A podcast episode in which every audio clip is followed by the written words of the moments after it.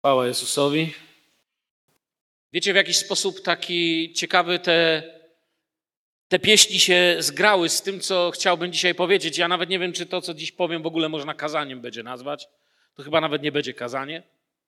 No bo w Polsce często ludzie tak mówią, że święta, święta i, i po świętach, nie? Słyszeliście na pewno nieraz. Że wielu ludzi biegnie, nie wiem, zadłużyli się, wzięli kredyty, kupili drogie rzeczy, mówiliśmy już o tym i nie mogą znaleźć pocieszenia. I czemu mówię, że to, co dziś śpiewaliśmy, miało jakiś taki dla mnie nawet połączony z tym kazaniem proroczo tekst? Dlatego, że kiedy tutaj grała orkiestra, nie wiem, czy za uważyliście, była taka żydowska pieśń. Pieśń, która nie jest jakaś strasznie pobożna może, nie ma tam, nie wiem, tekstu o modlitwie, a jednak jest niesamowicie połączona z tym, co się dzieje, kiedy Bóg dotyka nasze życie. Hawa Nagila. Czyli krótko mówiąc, radujmy się. Hawa Nagila, radujmy się. Ale zaraz potem jest Hawan Ranna, czyli radując się, śpiewajmy. Ale to nie jest jeszcze największa niespodzianka tego tekstu, dlatego że patrząc sobie w ten tekst, widzę, że zaraz potem mamy Uru Ahim Belew Sameach. Prorocze słowa wręcz. Żydzi śpiewają tą pieśń w czasie Hanuki. Zbudźcie się, bracia, z radością w swoich sercach. Ale zaraz potem mamy pieśń, którą tutaj grupa chwały w czasie czasu uwielbiania wyszła, chledam twarzy Twej, poszukuję Twej twarzy, o Panie. To nie jest pieśń radości. To jest, chyba najlepiej co mogę powiedzieć, pieśń poszukiwania. Psalmista, kiedy to pisze, nie znajduje się w stanie radości, raczej znajduje się w stanie, on tam pisze w tym psalmie, jak ziemia zeschła, spragniona, bezwodna, tak Ciebie poszukuję, by ujrzeć Twoją chwałę. Dwie pieśni. Coś, co się dzieje w święta i zastanawiałem się, co powiedzieć do Was w ten taki dziwny czas, który dzisiaj mamy, tego przedłużonego jakby nabożeństwa, ale trudno to nazwać nabożeństwem, powiedziałbym społeczności braci i sióstr, amen? Społeczności Kościoła. Co byłoby takim słowem, które byście powiedzieli, na koniec roku potrzebowałem to usłyszeć? Na koniec roku to chyba jest dla mnie ważne? I myślę, że też chyba najważniejsze po tym świątecznym okresie, kiedy już się cały świat naśpiewał o Panu Jezusie, gdzie wiecie, najdziwniejsi artyści w telewizji śpiewali kolendy i rozczurali się nad Jezusem, a dzisiaj upiją się do nieprzytomności i będą śpiewać największe sprośności i świństwa w swoim repertuarze, które mają. O czym my, którzy jesteśmy Kościołem, którzy poważnie traktujemy Słowo Boże, mielibyśmy pamiętać. I przychodzi mi jeden tekst do głowy. I ciekawe jest, że on się znajduje właściwie w tym samym rozdziale, gdzie jest opisane narodzenie Pana Jezusa. Opowiada o niezwykłym święcie, święcie, którego nastrój mamy w psalmach od 120 do 137. Nie będziemy ich wszystkich teraz czytać, tylko mówię święto Paschy. To są psalmy, które śpiewano wtedy, pieśni, który, z którymi z radością szli. A więc święto radości. Przeczytajmy o nim. Jeżeli macie swoje Biblię, a wierzę, że już macie, a jak nie macie, to siądźcie kogoś wierzącego, jak mówiłem zawsze, ci mają. I otwórzmy sobie drugi rozdział Ewangelii Łukasza od 41 wersetu. Więc było już wszystko opisano narodzenie Pana Jezusa, spotkanie z Samuelem, z Anną. Mateusz i Łukasz dają nam piękny opis tego, a tutaj mamy opis pewnego święta, które w samej swej naturze jest niesamowicie radosne, ale jednak nie o radości są te wersety. I to jest, dlatego powiedziałem dziś ciekawe też i połączenie w pieśniach, które zapowiadały to słowo, które miałbym dla Was dziś. A jego rodzice chodzili co roku do Jerozolimy na święto Paschy. Ja nie wiem, powiedziałem od 41 wersetu czytamy, powiedziałem, tak? I gdy miał 12 lat, poszli do Jerozolimy zgodnie ze zwyczajem tego święta. I gdy minęły te dni i już wracali, dziecię Jezus zostało w Jerozolimie, ale Józef i jego matka o tym nie wiedzieli. Lecz sądząc, że jest w towarzystwie podróżnych, przeszli dzień drogi i szukali go wśród krewnych i znajomych. A gdy go nie znaleźli, wrócili do Jerozolimy, szukając go. A po trzech dniach znaleźli go siedzącego w świątyni wśród nauczycieli, słuchającego i pytającego ich. I wszyscy, którzy go słuchali, zdumiewali się jego rozumem i odpowiedziami. A rodzice, ujrzawszy go, zdziwili się i powiedziała do niego jego matka: Synu, dlaczego nam to zrobiłeś? Oto twój ojciec i ja z bólem serca szukaliśmy ciebie. I powiedział do nich: Czemu mnie szukaliście? Czy nie wiedzieliście, że muszę być w tym, co należy do mego ojca? Lecz oni nie zrozumieli tych słów, które im mówił. Wtedy poszedł z nimi i wrócił do Nazaretu i był im posłuszny, a jego matka zachowywała wszystkie te słowa w swoim sercu. A Jezusowi przybywało mądrości i wzrostu oraz łaski u Boga i ludzi. Przyznacie, że bardzo inny fragment od wszystkiego, co będzie potem i co było wcześniej. Takie trochę miejsce, gdzie możemy razem z rodziną Pana Jezusa, z Marią, z Józefem, my ich zawsze tak idealizujemy, wiecie. Nam się wydaje, że to są tacy ludzie, po prostu nic innego nie robią, tylko, tylko są święci po prostu i to już nawet wystarczy. A to są ludzie, którzy żyją. I mamy po raz pierwszy opis jakiegoś czegoś, co poruszyło tą rodzinę, czegoś, co sprawiło, że, jak Maria tu powiedziała, pojawia się coś, co nazwała ból serca. I stąd mówię o tym kontraście, który wymieniałem przy tych pieśniach, że cała sytuacja zaczyna się w czasie święta Paschy. Jego rodzice chodzili co roku do Jerozolimy na święto Paschy. Zwróćcie uwagę, że przepięknie Duch Święty mówi jego rodzice. Chodzili na święto Paschy czyli jednego z najbardziej radosnych świąt. Świąt radości. Świąt, gdzie cały dzień wspominało się, jakie dobre rzeczy czyni Pan Bóg. To było święto radości, wiecie, i ci, którzy opisują historię Izraela, mówią, że Żydzi nie tylko szli na to święto z radością, że było słychać gwar, szum, e, śmiech, śpiew, ale i wracali w takim samym stanie. A jednak w naszym fragmencie radość gdzieś znika. Do Jerozolimy w tych dniach przybywało, historycy mówią, około 100 tysięcy ludzi. Wyobrażacie sobie? W tamtych czasach to są absolutne tłumy. Około 100 tysięcy ludzi, dlatego też Rzymianie tak bardzo bali się takich świąt, bo myśleli, że to wielka grupa ludzi naraz, co by było, gdyby się zbuntowali, wiedzieli, jak się kończyły takie rzeczy, kończyły się wielkim przelewem krwi w różnych innych miejscach imperium. Sto tysięcy ludzi. I nagle Łukasz z tego nastroju, że tak bym powiedział, bożonarodzeniowego, nie wiem, czy to jest najwłaściwsze słowo teologicznie w tym wypadku, przenosi nas 12 lat później. Ja bym powiedział, że delikatnie dla nas, ludzi przyzwyczajonych do okresu świąt, świętowania, śpiewania, rozczulania się nad maluśkim, maluśkim, jak gdyby Bóg chciał zadać, hej, co przez cały czas, co po świętach, co dalej? Co z tym wszystkim teraz?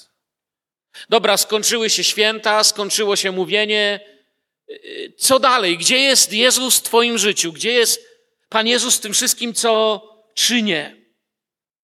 I zwróćcie uwagę, że święta nie są za bardzo mocno tu opisane. Miał 12 lat. Poszli do Jerozolimy.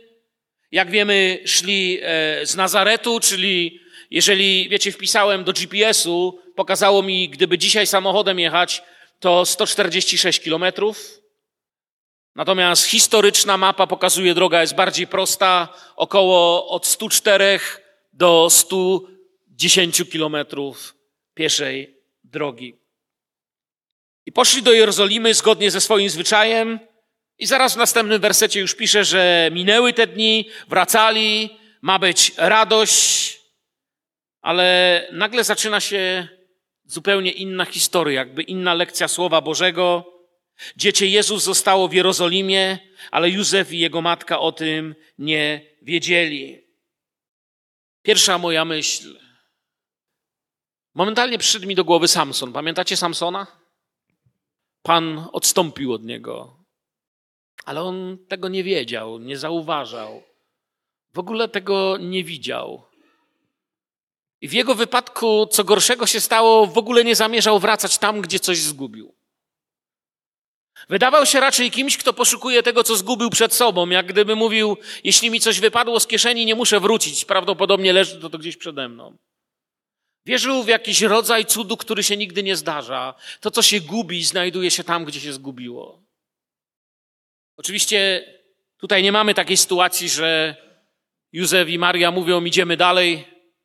Co tam, sam znajdzie drogę, pewnie przyjdzie do domu sam. Właściwie z naszego punktu widzenia mogliby tak powiedzieć, no bo w końcu to nie jest byle jakie dziecko, prawda? Ale nie. Oni nas uczą pewnej lekcji. Po pierwsze, uczą nas, że można coś zgubić i nie zauważyć tego przez długi czas. Ale po drugie, uczą nas, że można coś zgubić nawet w bardzo świętym miejscu, w miejscu, gdzie jest dużo pobożnych słów, w miejscu, gdzie jest dużo pobożnej radości, w miejscu, gdzie tak się skupimy, żeby było to nabożeństwo, to święto, ta pobożność taka, jak ma być, że miną te dni i właściwie stwierdzimy po świętach, po roku, po życiu, po młodości, że minęło i jesteśmy wcale niezadowoleni, że gdzieś coś zgubiliśmy, że mieliśmy, a teraz nie ma, ale udajemy, że wszystko jest takie samo, jak było. Zgubili Jezusa w najświętszym mieście Izraela. Zgubili Jezusa tak blisko tego, co najbardziej święte, pobożne, zachowując wszystkie zasady, przykazania. Wszystko właściwie było ok, oprócz tego, że Jezusa zgubili. Myślę sobie, ilu pośród nas jest dzisiaj takich. Może właśnie pieśń Hawa Nagila, radujcie się, nie brzmi swojsko, ponieważ raczej masz serce rozdarte. Ponieważ nie tylko święta ci radości nie przynoszą, ale i życie powoli radości nie przynosi. Ponieważ gdzieś zgubiłeś tego, którego kiedyś miałeś. I być może Duch Święty dzisiaj mówi: wracaj tam, gdzie to pogubiłeś. Drogą mojego powrotu jest droga pokuty. Jest droga w słowach przepraszam. Jest droga w słowach odnów mnie. Bo można w najbardziej świętych miejscach zgubić tego, który jest najważniejszy. Ciekawa druga myśl tutaj jest. Lecz sądząc, że jest w towarzystwie podróżnych, przeszli dzień drogi i szukali go wśród krewnych i znajomych idą dzień drogi. I myślą sobie, to jest taka moja trochę duchowa interpretacja teraz. Idą, można iść jakiś odcinek czasu i myśleć sobie, może się w moim życiu ten Jezus pogubił, ale moi rodzice go mają, dziadkowie go mają, dzieci go będą miały, znajomy go będzie miał, nasz zbór będzie go miał. I tak sobie idziemy, aż nas otrzeźwi nagle i przychodzi choroba, przy której lekarze rozkładają ręce. Przychodzi tragedia, przy której nie da się niczego naprawić, i wtedy wbiegamy do kościoła, wbiegamy do rodziców, wbiegamy do znajomych, ale okazuje się, że nigdzie nie ma naszego cudu. Że tak się pogubiliśmy, że nawet nie możemy znaleźć tego, co zgubiliśmy. Słyszycie mnie? I wtedy Mówimy, ale, ale to jest problem, ale to jest nowotwór, ale to jest śmierć, ale małe dzieci, ale, ale, ale musi Bóg coś z tym zrobić. Problem jest, że przychodzimy po cud bez pokuty. Przychodzimy po cud bez wrócenia do miejsca radości. Przychodzimy po cud tam, gdzie cud stać się nie może, bo sprawcy cudów nie ma. Pogubiliśmy. I on mówi, że on jest kimś, kto poszukuje. On nie chce, byśmy się pogubili. Moje słowa dzisiaj nie mają zniechęcić. Chyba najgorsze, co mogłoby się gdzieś stać, gdyby ktoś wstał i powiedział: No to jak pogubiłem, to i tak już nie ma dla mnie nadziei. Ale Biblia nie jest księgą, która wzywa do samobójstwa. Biblia jest księgą, która wzywa do życia. Bóg nie mówi, że koniec. Bóg tylko mówi, trzeba odnaleźć. I to nie tylko w tym fragmencie. Ktoś, no, ktoś powie, wiesz, może na, no, no wiele, zbyt wiele z tej historii próbujesz wyciągnąć wniosków. Ja wiem jedno, na 100% Słowo Boże mówi, że Bóg mówi, że jeżeli chcemy znaleźć Jego działanie, oblicze i cuda, musimy powrócić tam, gdzie się pogubiliśmy. Zgodzicie się ze mną, czy nie? Oni sądzili, że jest w towarzystwie podróżnych. Podróżujemy razem, jesteśmy pielgrzymami, czy jesteście tu ze zboru, czy jesteście dziś gośćmi, ogólnie jesteśmy kościołem, jesteśmy razem, idziemy jakąś drogą. I straszne jest, kiedy gdzieś tak się w życiu zgubi człowiek. Gdzieś mija taki rok, że nie tylko nie zauważasz Pana w Twoim życiu, ale powoli ci się zaczyna wydawać, że właściwie nie ma za bardzo do kogo pójść się pomodlić. Byliście kiedyś w takim miejscu? Gdzie tak się pogubiłeś, że myślisz, właściwie ja nawet nie znam nikogo, kto by naprawdę chciał się pomodlić. No wydawałoby się, że ten czy tamten, ale patrząc z bliska, taką samą ma pustkę jak ja. Jakby Duch Święty mówił Kościele, każdy z was, kto zgubiliście się, wracajcie. To nie jest problem z Jerozolimą, to nie jest problem z pobożnością, to nie jest problem ze świętem, które było, ale problem z sercem, które się całkiem pogubiło. Oczywiście potem takie serce zaczyna mówić, święta na nic. I tak nic dobrego z tych świąt. Kiedy słyszę ludzi, którzy tak mówią, kiedy co roku słyszę chrześcijan, którzy toczą wojnę przeciwko Bożemu Narodzeniu, choinkom, prezentom, próbują to spłycać, najczęściej wiem, że ten rodzaj radykalizmu jest już tylko maską hipokryty, zasłaniającą całkowity brak własnej radości i odnalezionego celu. Bo człowiek mający radość w żywym Bogu nie patrzy na ozdóbki. On się cieszy Bogiem i to ludzie w nim widzą. To przy nim ludzie odkrywają, że właściwie to wszystko jest niczym, bo radość w Bogu jest czymś. Lecz sądząc, że jest w towarzystwie podróżnych, przeszli dzień drogi i szukali go wśród krewnych i znajomych. Znaleźli czy nie? Nie. A gdy go nie znaleźli, za piękna rada duchowa. Znalazłeś to, czego poszukujesz? Może od kilku lat poszukujesz radości. Może od kilku lat czujesz, że Twoje powołanie ulgrzęzło w miejscu, gdzie się tylko męczysz jak samochód, który zakopał się w śniegu. Kręcą się koła, spala się paliwo, grzeje się silnik. Wyjechać nie można. Byliście w takim miejscu. Ci, co tu pod górkę jeżdżą, wiedzą, o czym ja mówię. Nie znaleźli. Wrócili do Jerozolimy. Nie słyszymy, żeby złorzeczyli, że samo zło tylko z tą Jerozolimą. Więcej nie idziemy do żadnej Jerozolimy. Dosyć z tą Jerozolimą, tylko kłopoty z tą Jerozolimą. Nie.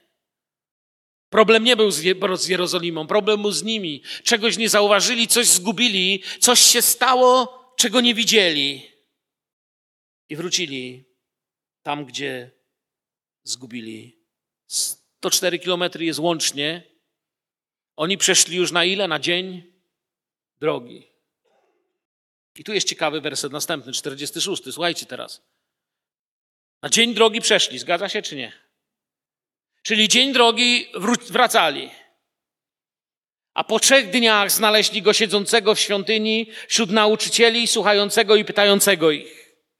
Nawet zakładając, że z tych trzech dni jeden to był ten dzień y, poświęcony na powrót, bo to również była część poszukiwań, to ciągle pozostają nam jeszcze 48 godzin, gdzie go nie znaleźli i poszukiwali. Jak gdyby Bóg powiedział, wpatrzcie się w tekst i zobaczcie, że można szukać, szukać, poszukiwać i nie znaleźć, bo nie poszukujesz tam, gdzie powinieneś. Ja nie wiem, gdzie oni byli. Ja się mogę tylko domyślić. Może zobaczyli warsztaty, wszystkich cieślów najpierw obeszli. Bo sobie myślą, no on tak tą ciesiłkę lubił, no to może, może tam poszedł. No go całe życie zachęcaliśmy, żeby był cieślą. Może krewnych odwiedzali, może znajomych, może po wszystkich ulicach.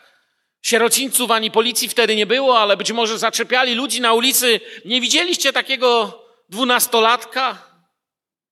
Dzień drogi wracali, dwa dni poszukiwali. A Maria za chwilę parę wersetów powie, nazwie ten czas czasem bólu serca. Kiedy poszukujesz, poszukiwaliście kiedyś czegoś mocno? Zgubiliście kiedyś dokumenty, na przykład bardzo ważne? Mnie się już zdarzyło. Albo pieniądze jakieś, albo coś takiego. Pamiętam ten moment, kiedy nie mogłem znaleźć w domu. Pojechałem tutaj do biura, tu przeszukałem wszystko. Jadąc tu miałem nadzieję, że skoro nie ma w domu, będzie tu. Ale i tu nie było. Zaczynasz sobie przypominać, gdzie ja byłem, co ja robiłem, gdzie mogłem to zgubić. Czemu nie robimy tego, kiedy zgubimy Jezusa? Gdzie byłem? Co robiłem? Gdzie byłem kiedyś? Dlaczego się znalazłem tu? Dlaczego ludzie myślą, że jestem wierzący, skoro dziś tak bardzo wiele niewiary jest w moim życiu? Dlaczego ja myślę o sobie, kim jestem, chociaż przecież już nie jestem tym, kim byłem? Dwa dni poszukiwali i znaleźć nie mogli. Jak gdyby nie było dla nich oczywiste, gdzie go szukać. Po trzech dniach znajdują go wśród nauczycieli, słuchającego, pytającego ich. I wszyscy, którzy go słuchali, zdumiewali się nad rozumem i odpowiedziami. Kiedy czytałem pierwszy raz, mówię, Panie, każdy Twój werset uczy drogi za Jezusem. Czego uczy ten werset? I to nagłe olśnienie. Jeżeli idziesz za Jezusem i go widzisz, to on cię poprowadzi tam, gdzie są grzesznicy, zgubieni, biedni, cierpiący i samotni ludzie, bo takimi drogami chodzi Jezus. Ale jeżeli zgubisz Jezusa i chcesz go znaleźć, to nie tam go znajdziesz. Musisz znaleźć ludzi, którzy są zdumieni Bogiem. Musisz znaleźć ludzi, którzy są zaskoczeni Bożą łaską. Innymi słowami, musisz znaleźć miłośników Bożego Słowa, aby odnaleźć z powrotem siebie. Musisz znaleźć wspólnotę, w której ludzie są zachwyceni tym, co mówi Bóg. I tylko wtedy na nowo odnajdziesz tą obecność w pokucie, w powrocie, w poszukiwaniu, w zachwyceniu, w zadziwieniu Jezusem. I tam weszli w miejsce, gdzie Duch Święty opisuje rodzaj jedności. Wszyscy, którzy go słuchali, zdumiewali się jego rozumem i odpowiedziami. Za chwilę będzie czas świadectw. Czy to nie jest właśnie czas, kiedy zdumiewamy się Bożymi odpowiedziami?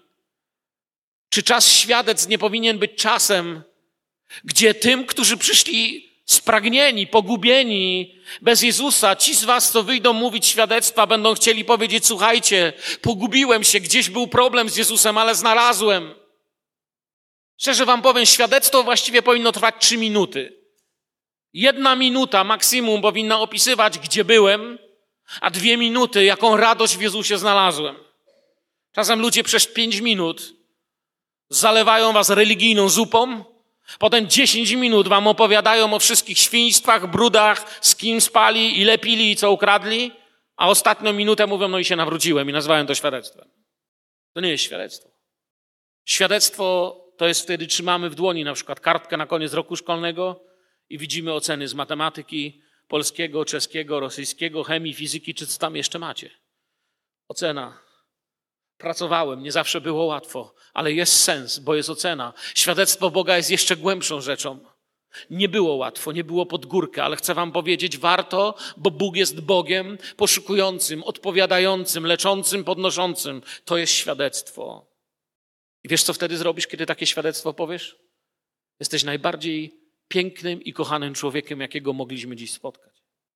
Nie bójcie się takiego świadectwa powiedzieć. Bo pomiędzy wami dzisiaj też siedzą tacy, co już z bólu nie wiedzą, w co wierzyć.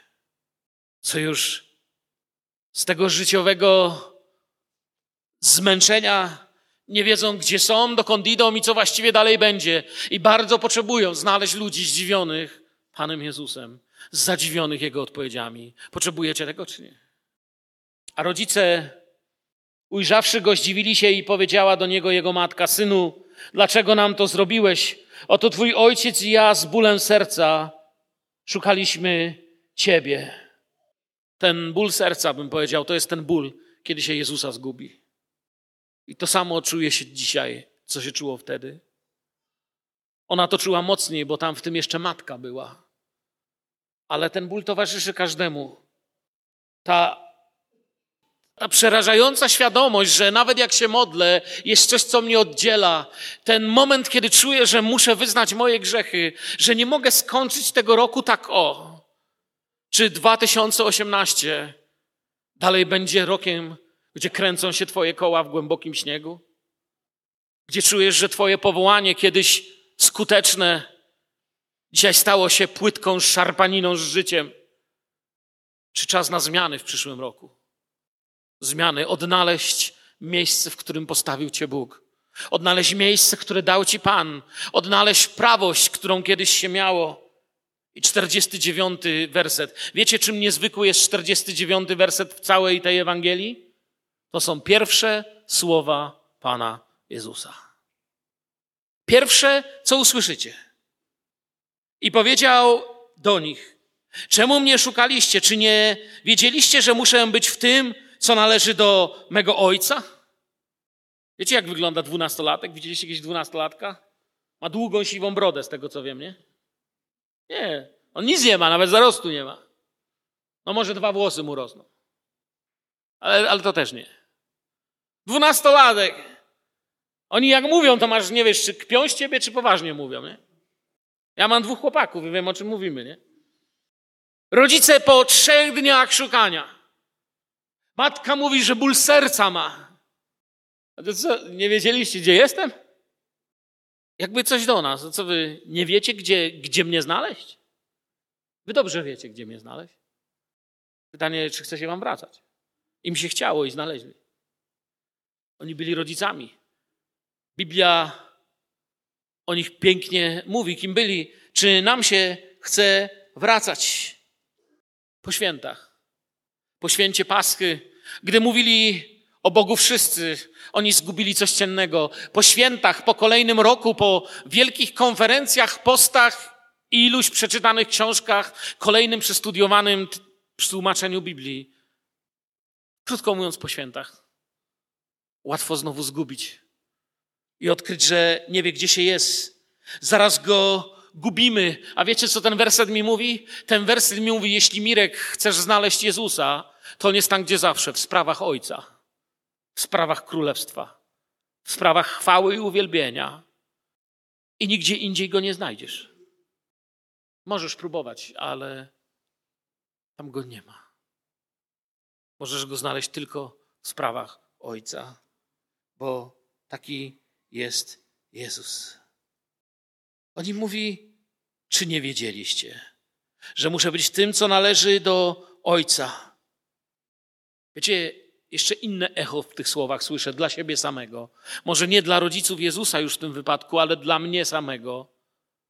Patrząc na to ich poszukiwanie przez trzy dni i w końcu znalezienie, słyszę takie prorocze dla mnie echo pouczenia Bożego. Nigdy nie szukaj żywego wśród umarłych. Dlaczego szukacie tego, który żyje? Tam, gdzie on nie będzie. On nie będzie w tym, co jest grobem, w tym, gdzie ludzie chowają swoje złudzenia, marzenia. On będzie w tym, co jest życiem. Lecz oni nie zrozumieli tych słów, które im mówił. Wiecie, ja sobie ołówkiem, żeby pamiętać w mojej Biblii. Ktoś chce to może podejść i sprawdzić. Ołówkiem sobie wpisałem w tym miejscu, gdzie pisze, lecz oni nie zrozumieli. To dla siebie samego wpisałem jeszcze. Jeszcze nie zrozumieli tych słów, które im mówił. Ponieważ, żeby zrozumieć drogę uczniostwa, potrzeba nam czasu z Jezusem. Im dłużej z Nim będą, tym więcej będą myśleć, więcej będą rozumieć. Ten pięćdziesiąty werset jeszcze jedną rzecz mówi, że znalezienie Jezusa wcale nie oznacza, że wszystko zrozumiesz, że wszystko już będziesz wiedział. Że będziesz miał odpowiedzi na wszystkie pytania. Jeśli oni nie mieli, my nie będziemy mieli. Jest jeszcze jedna ciekawa rzecz tutaj. Te wersety to pożegnanie z Józefem. Wcześniej mówiłem o Zachariaszu. Wszyscy widzieliśmy gadulstwo Zachariasza. Czasami pomijamy milczenie Józefa.